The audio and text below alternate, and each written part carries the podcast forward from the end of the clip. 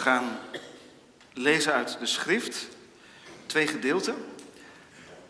Allereerst uit het Oude Testament, Deuteronomium 26. Dat lijkt een wat apart hoofdstuk.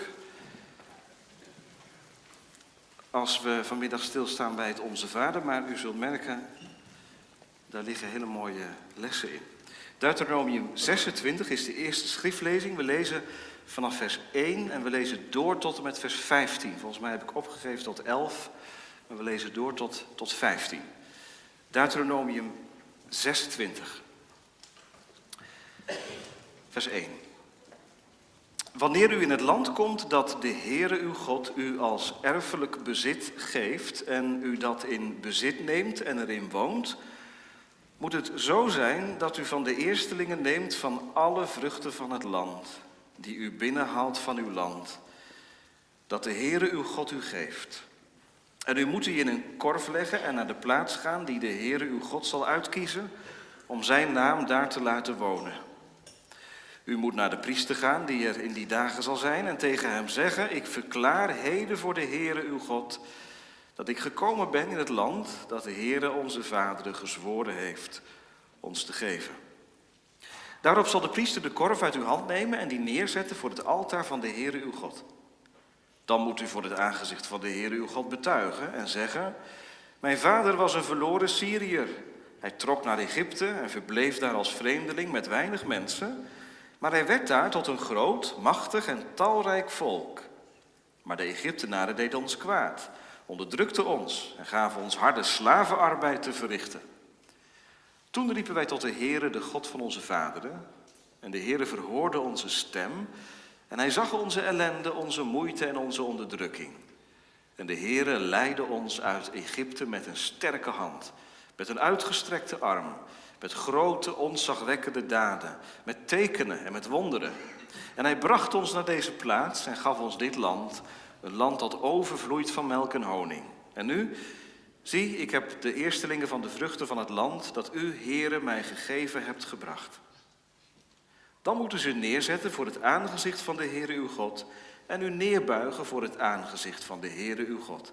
En u verblijden over al het goede dat de Heere uw God aan u en uw gezin gegeven heeft. U, de leviet en de vreemdeling die in uw midden is.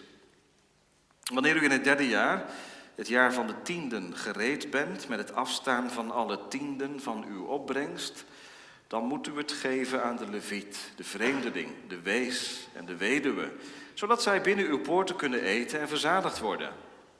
U moet dan voor het aangezicht van de Heere uw God zeggen, ik heb het geheiligde uit mijn huis weggenomen en het ook gegeven aan de leviet en aan de vreemdeling, aan de wees en aan de weduwe, overeenkomstig al uw geboden die u mij geboden hebt.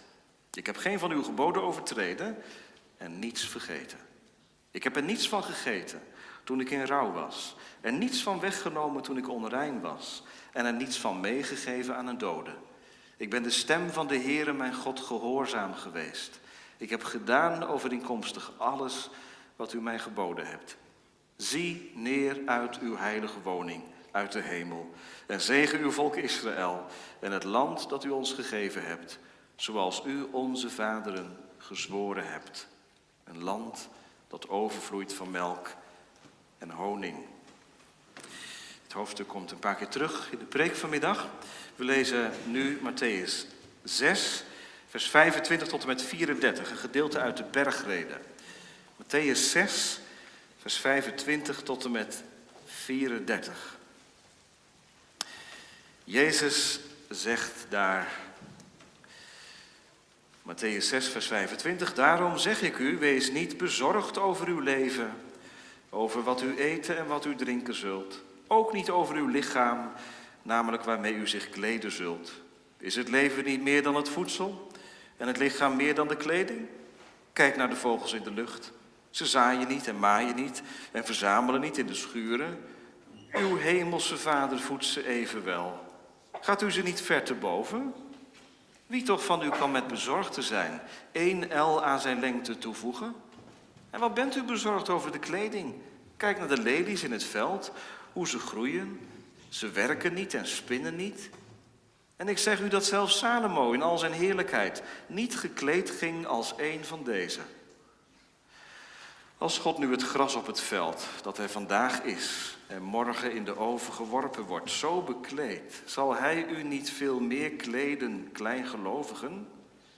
Wees daarom niet bezorgd en zeg niet wat zullen wij eten, of wat zullen wij drinken, of waarmee zullen wij ons kleden? Want al deze dingen zoeken de heidenen.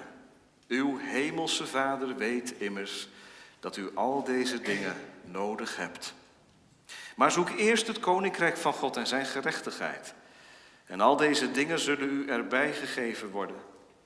Wees dan niet bezorgd over de dag van morgen, want de dag van morgen zal voor zichzelf zorgen. Elke dag heeft genoeg aan zijn eigen kwaad. Tot slot lezen we uit de Catechismus, zondag 50. Zondag 50, vraag en antwoord 125. Dat zal de leidraad zijn voor de verkondiging vanmiddag, zondag 50. Wat is de vierde bede? Antwoord, geef ons heden ons dagelijks brood.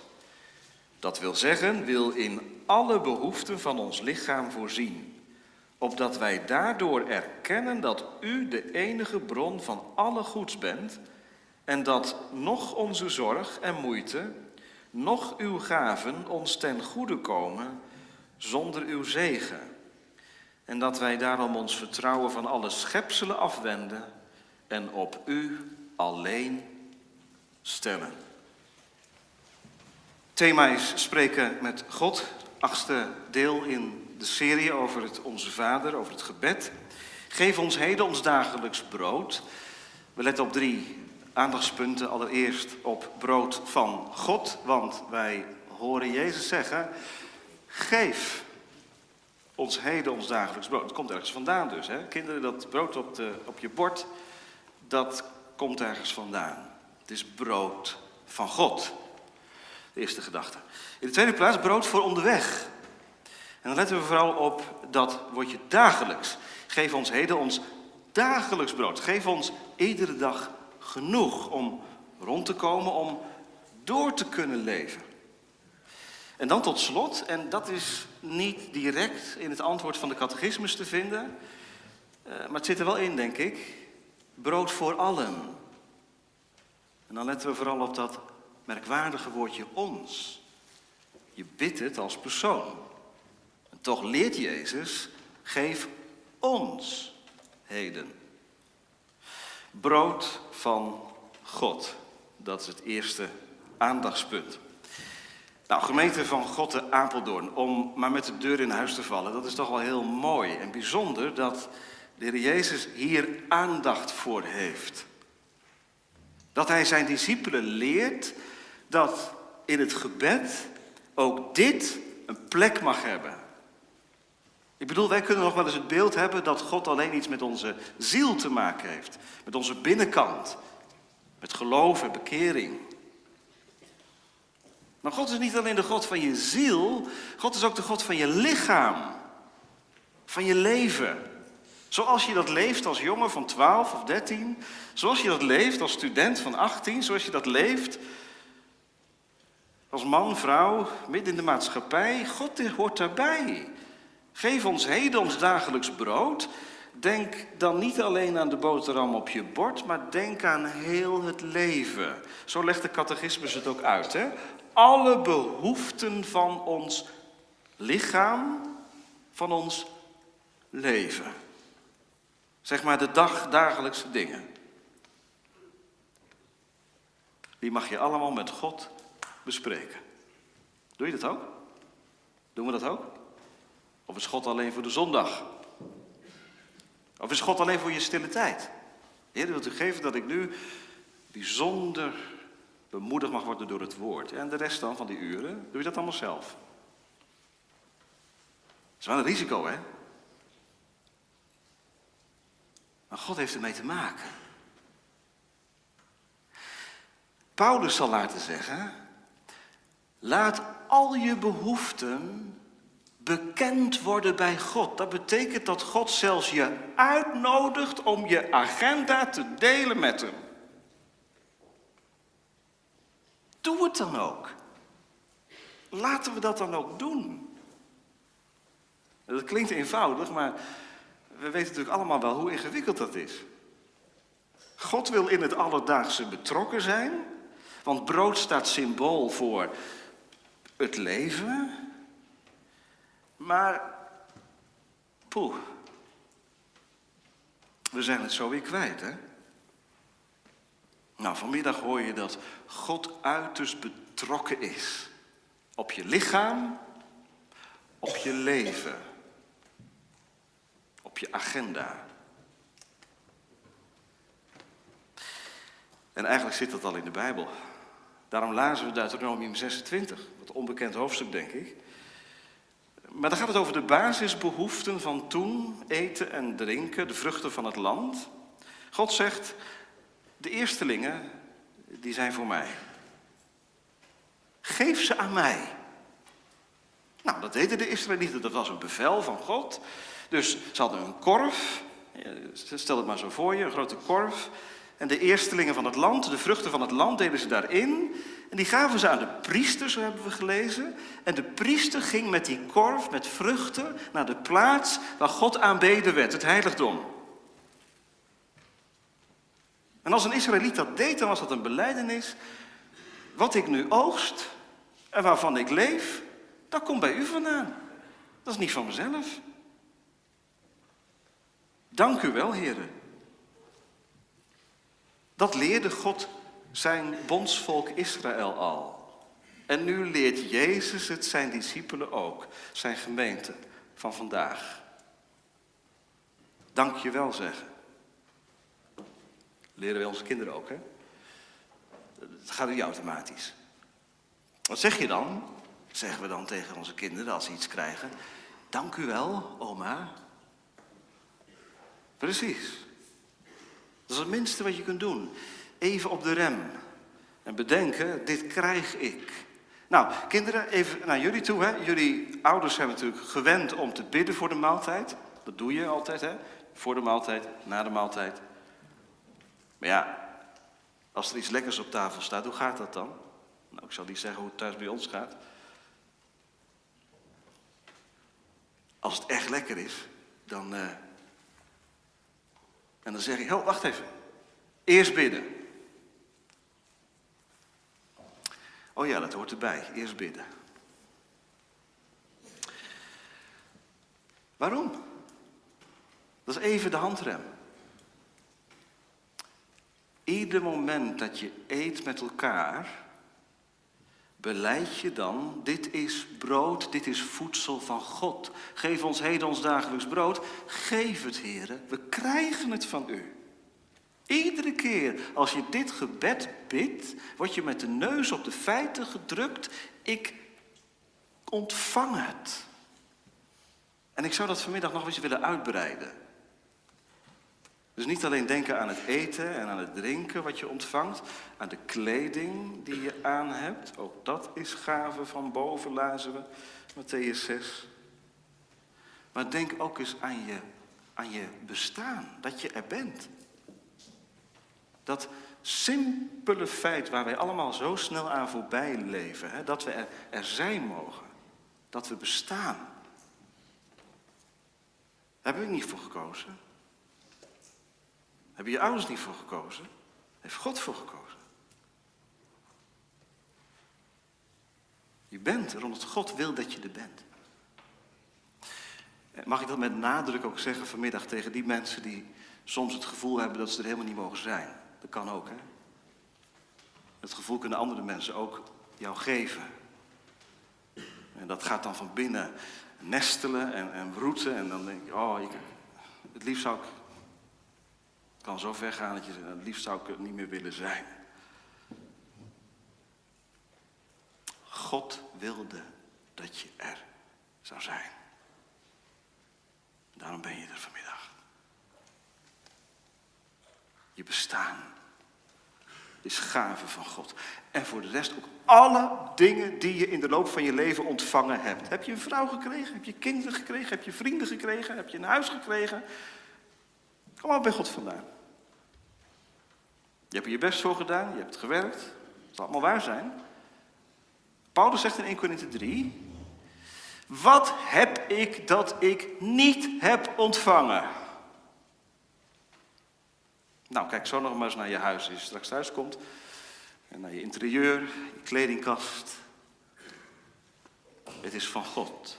U bent de fontein van alle goeds. Vader, dank Nou, zou het zomaar kunnen dat iemand ook zegt vanmiddag, ja, maar dit is natuurlijk best wel een ingewikkeld gebed hè, in onze maatschappij. Ik bedoel, ik kan me voorstellen dat in de tijd van het Oude Testament dit gebed zijn waarde had. Je was afhankelijk van het seizoen en van de regen, van de zon enzovoort. Maar wij, met onze super geavanceerde middelen, met onze moderne technieken, wat kunnen we niet? Waarom zouden we dit nog bidden? Geef ons heden ons dagelijks brood als je koelkast vol zit. Als je iedere dag genoeg te eten hebt, als je kleding hebt. En zelfs in een tijd van koopkrachtcrisis en inflatie en stijgende prijzen, toch nog steeds eten en drinken hebt. Genoeg om te leven. Geef ons heden ons dagelijks brood. Nou, hoezo? En dan toch, hè? Waarom leert Jezus dit zijn discipelen? En waarom in de 21ste geavanceerde eeuw leren christenen dit bidden? Moeten christenen dit zich toe-eigenen? Geef ons heden ons dagelijks brood. Nou, alleen al om de seizoenen bijvoorbeeld. We zongen Psalm 145 dat God zijn hand opent en dat hij verzadigt al wat er leeft op de aarde. Alles wat wij ontvangen, wat wij eten en drinken, dat is door Hem. heeft Hij laten groeien, is door Hem ontstaan. Laat ik het zo zeggen, achter iedere maaltijd, als je straks gaat eten thuis, hè, met je gezin of samen of alleen. Weet je wat je dan mag bedenken? Achter die maaltijd gaat een geopende vaderhand schuil. Het is de hand van de vader die voor jou eten heeft. Zo zal Jacobus het laten zeggen. Alle goede gaven zijn van de Vader der lichten afkomstig. Voel je waar het naartoe gaat? Waar de Jezus je hebben wil. We komen straks nog wel uitgebreider op. Hij wil dat je naar de bron gaat. Iedere hap eten, iedere slok drinken komt bij God vandaan.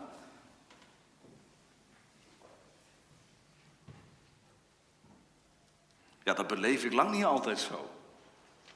Ik doe maar net alsof het allemaal heel gewoon is. Koelkast open, hup. Snackie, heb veel meer dan brood. Wat een luxe artikelen haal ik niet uit de winkel. Hoe kun je nou beleiden in deze tijd met zoveel luxe? Het is allemaal van God. Nou, dan moeten we toch nog een keer terug naar Deuteronomium 26. Want wat valt op? De Israëliet moest niet alleen de eerstelingen van de vruchten van het land geven aan de priester, maar hij moest er ook iets bij zeggen. In vers 5 leest u dat. Als u de Bijbel nog open hebt, kunt u er even bij nemen. Dan moet u voor het aangezicht van de Heere uw God betuigen, beleiden en zeggen, en dan komt het. Mijn vader was een verloren Syriër. Hij trok naar Egypte en verbleef daar als vreemdeling met weinig mensen, maar hij werd daar tot een groot, machtig en talrijk volk.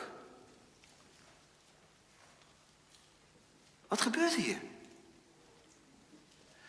De Israëliet die met de vruchten van het land naar de priester ging,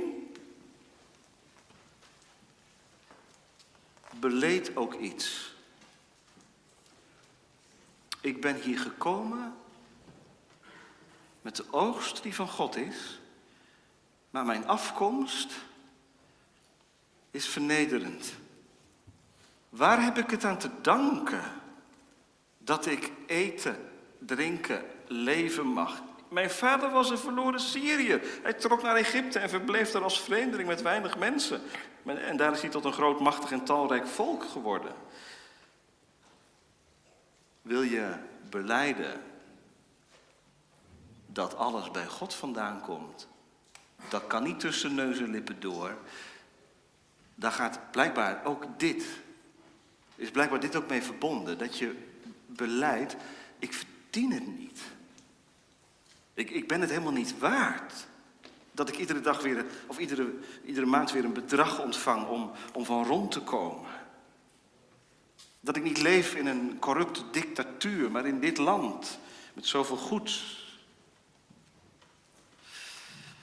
Het schudt ons wakker, deze beleidenis. Deuteronomium 26, vers 5. Ik denk dat dit ook echt een onderdeel moet zijn, vaders, van ons gebed. Hè? Als wij bidden aan tafel, als wij danken aan tafel. Natuurlijk dan zeggen wij dank u wel. Want dan zeggen we erbij, Heere God, wij verdienen dit niet. Dit is pure genade.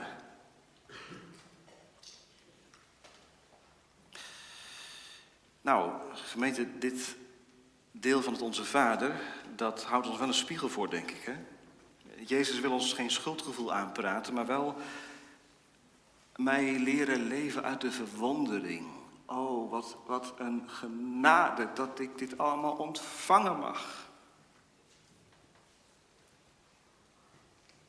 Brood van God. Dan, tweede, brood voor onderweg. Geef ons heden ons dagelijks brood. Je zou ook kunnen vertalen, geef ons elke dag het brood dat we nodig hebben.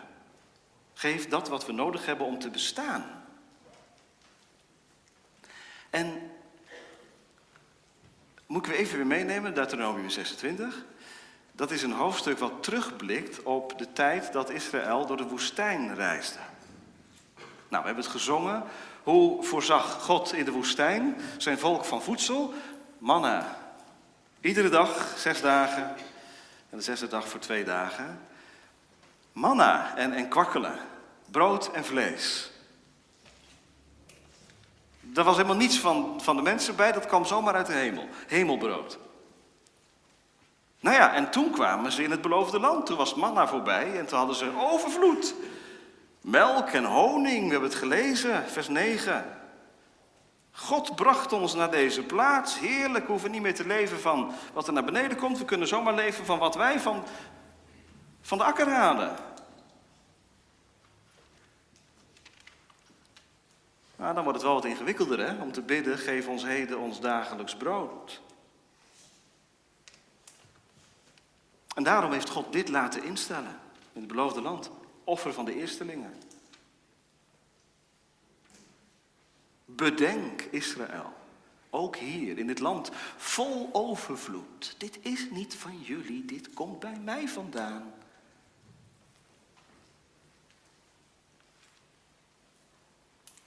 Zodat ze leren wat Agur in Spreuken 30 later zal zeggen. Spreuken 30, daar staat, voed mij met het brood van mijn bescheiden deel.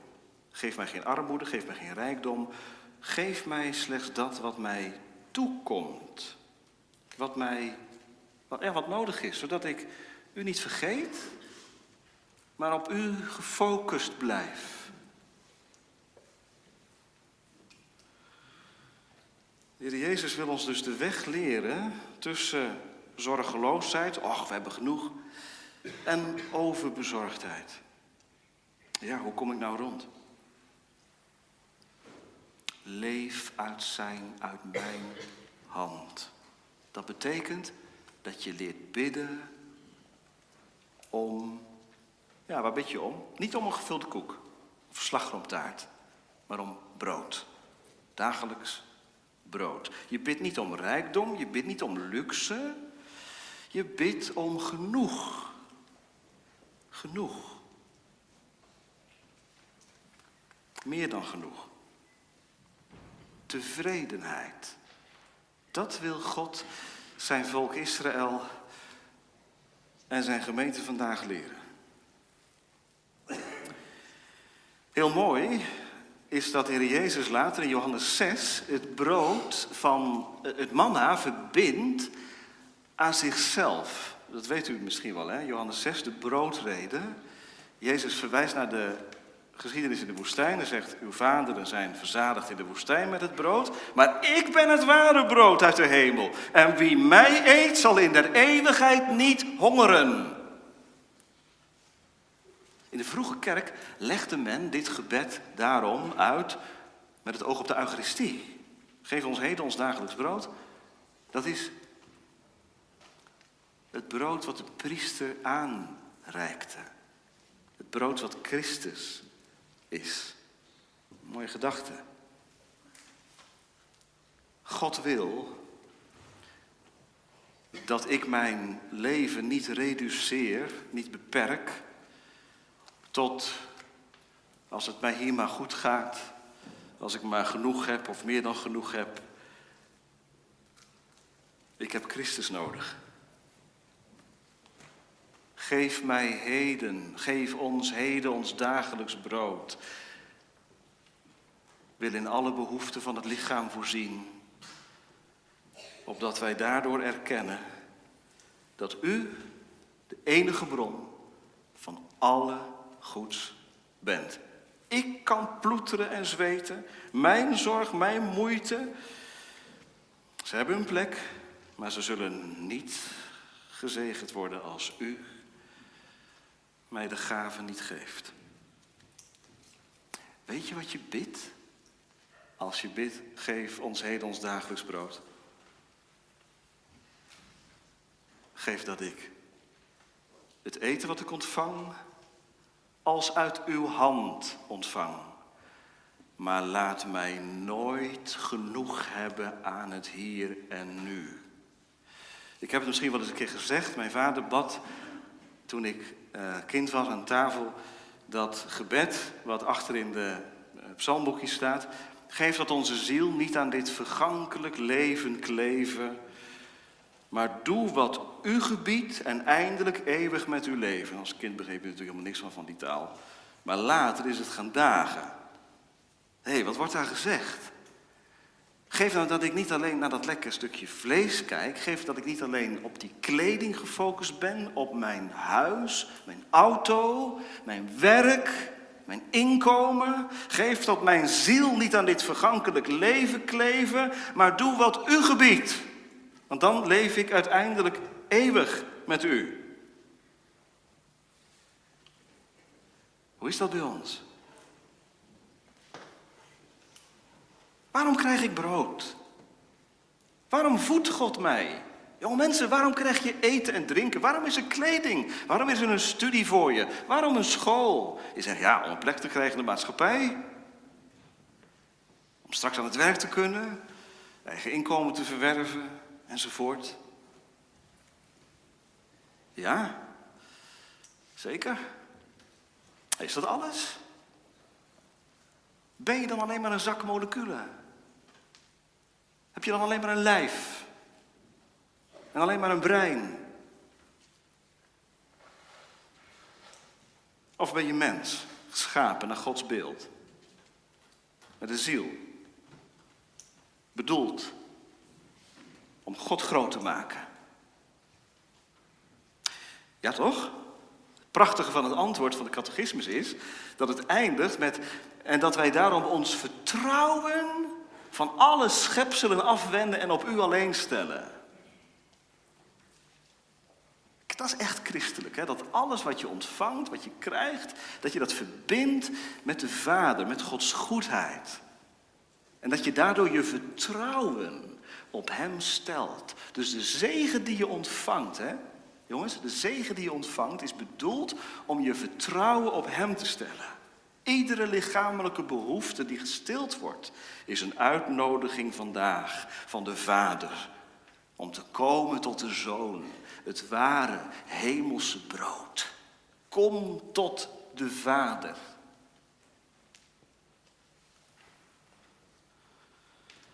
Kun je dat zeggen? Dat Christus jouw brood is? Jouw eten, jouw drinken? Ja, wat klinkt een beetje raar misschien, hè? dat Christus je brood is. Wat zeg je dan eigenlijk? Dat Christus je brood is. Dan zeg je, nou wat we zongen met Asaf, hij is mijn alles. Hij is mijn alles. Brood heb ik nodig om, eten heb ik nodig om in leven te blijven, om te kunnen werken, om te kunnen leven, om lief te hebben enzovoort. En ik werk, ik heb een plek in de maatschappij. Dat is een roeping van Gods wegen. Ik zet me daarvoor in. God wil dat ik door alles heen mijn vertrouwen op Hem stel. Wat denkt u, is dat moeilijker in comfortabel Nederland of in ellendig Mali? Om maar iets te noemen.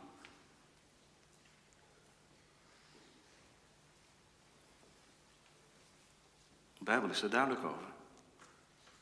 Weet je wat in de Bijbel staat? Toen Israël verzadigd werd, toen ze in het beloofde land kwamen, en ze alles hadden wat een hartje begeerde, sloegen ze als een, als, sloegen ze als een stier achteruit. Ze vergaten God.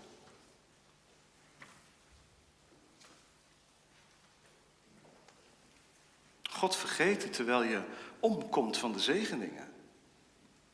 Nee, het gaat natuurlijk niet automatisch in Mali anders, maar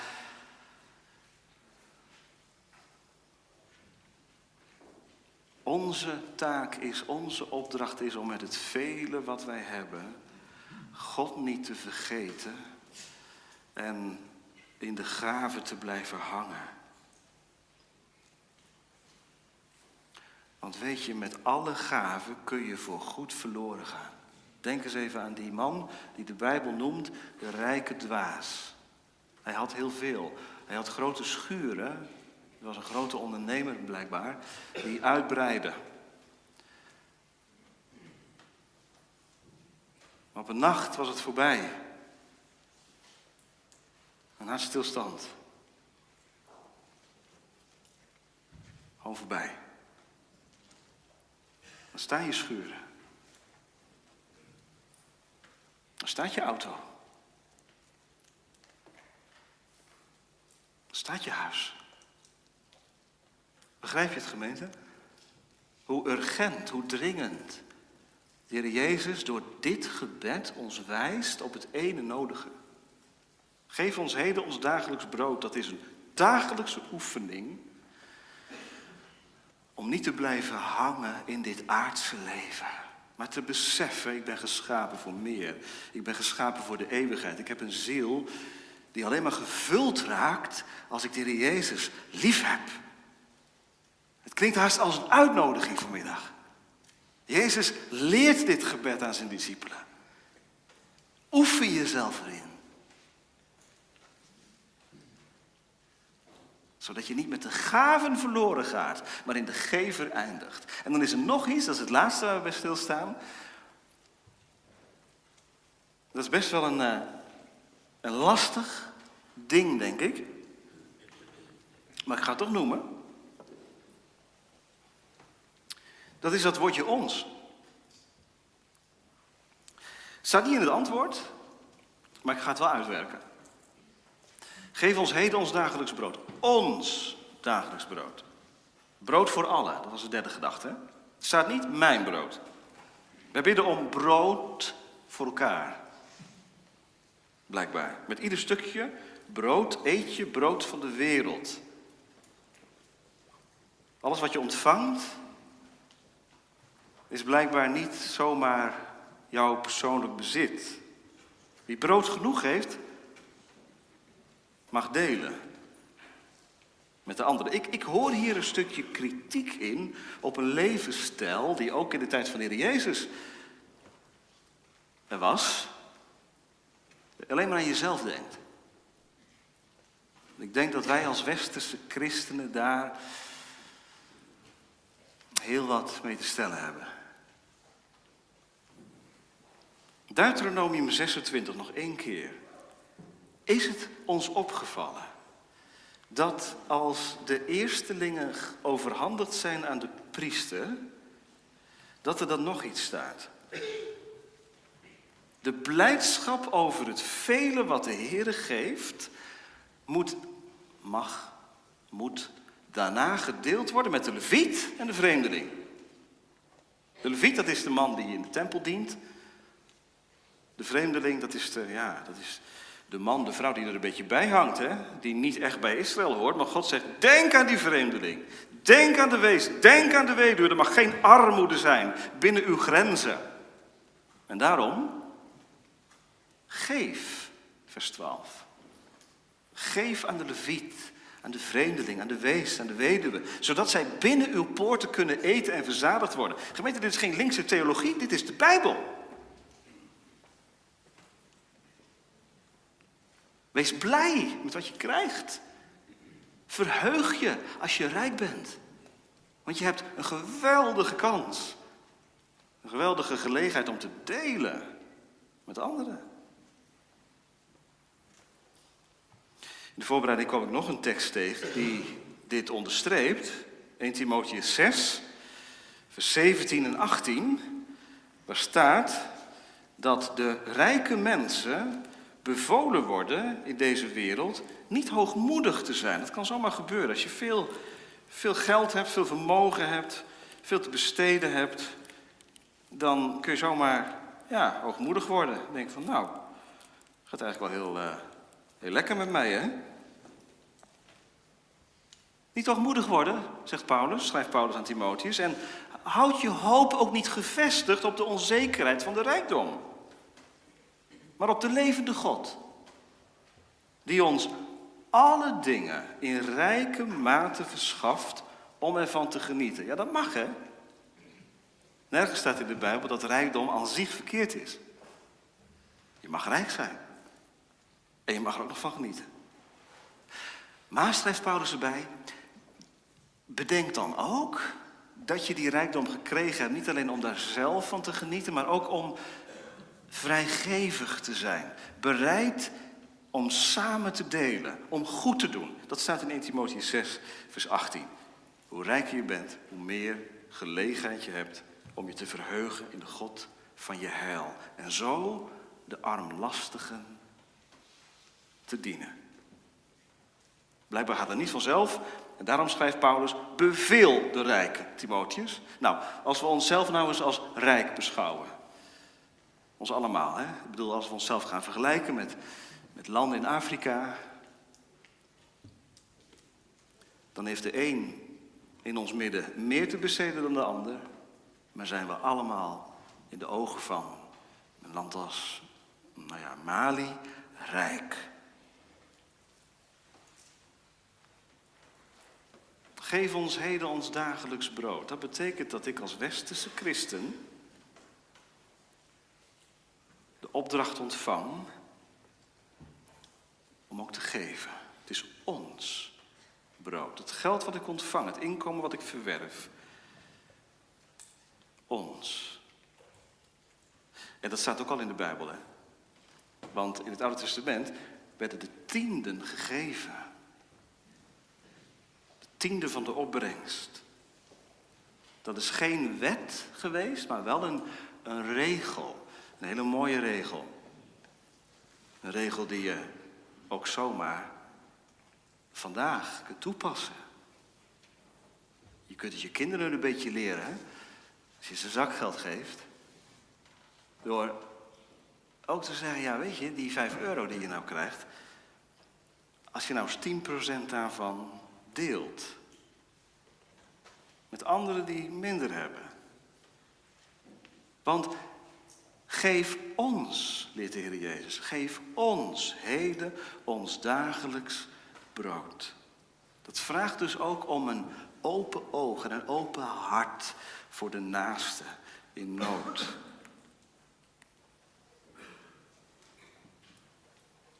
En dan nog iets. Wat te denken van alles wat op ons bord komt en wat onze kledingkast hangt.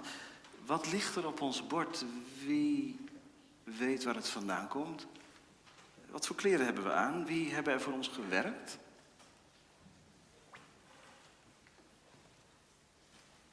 Weten we dat? Ja, maar het was heel erg ingewikkeld vanmiddag. Nou, voer er eens een goed gesprek over, zou ik zeggen, thuis. Gewoon in de lijn hè, van geef ons heden ons dagelijks brood. Het gaat er toch om dat ik met een goed geweten leef. En misschien zijn we de afgelopen decennia wel verblind geraakt. Hè? We kunnen zoveel, we hebben zoveel. Maar wat gebeurt er aan de andere kant van de wereld? Kindslaven, die moeten werken voor onze luxe producten. Wat, gebeurt hier? Wat een, wat scheef, wat wordt het scheef getrokken in de wereld? Laten we bij onszelf beginnen. Want godsdienst, godzalig leven, dat betekent dat je ook in dat opzicht eerlijk wilt zijn.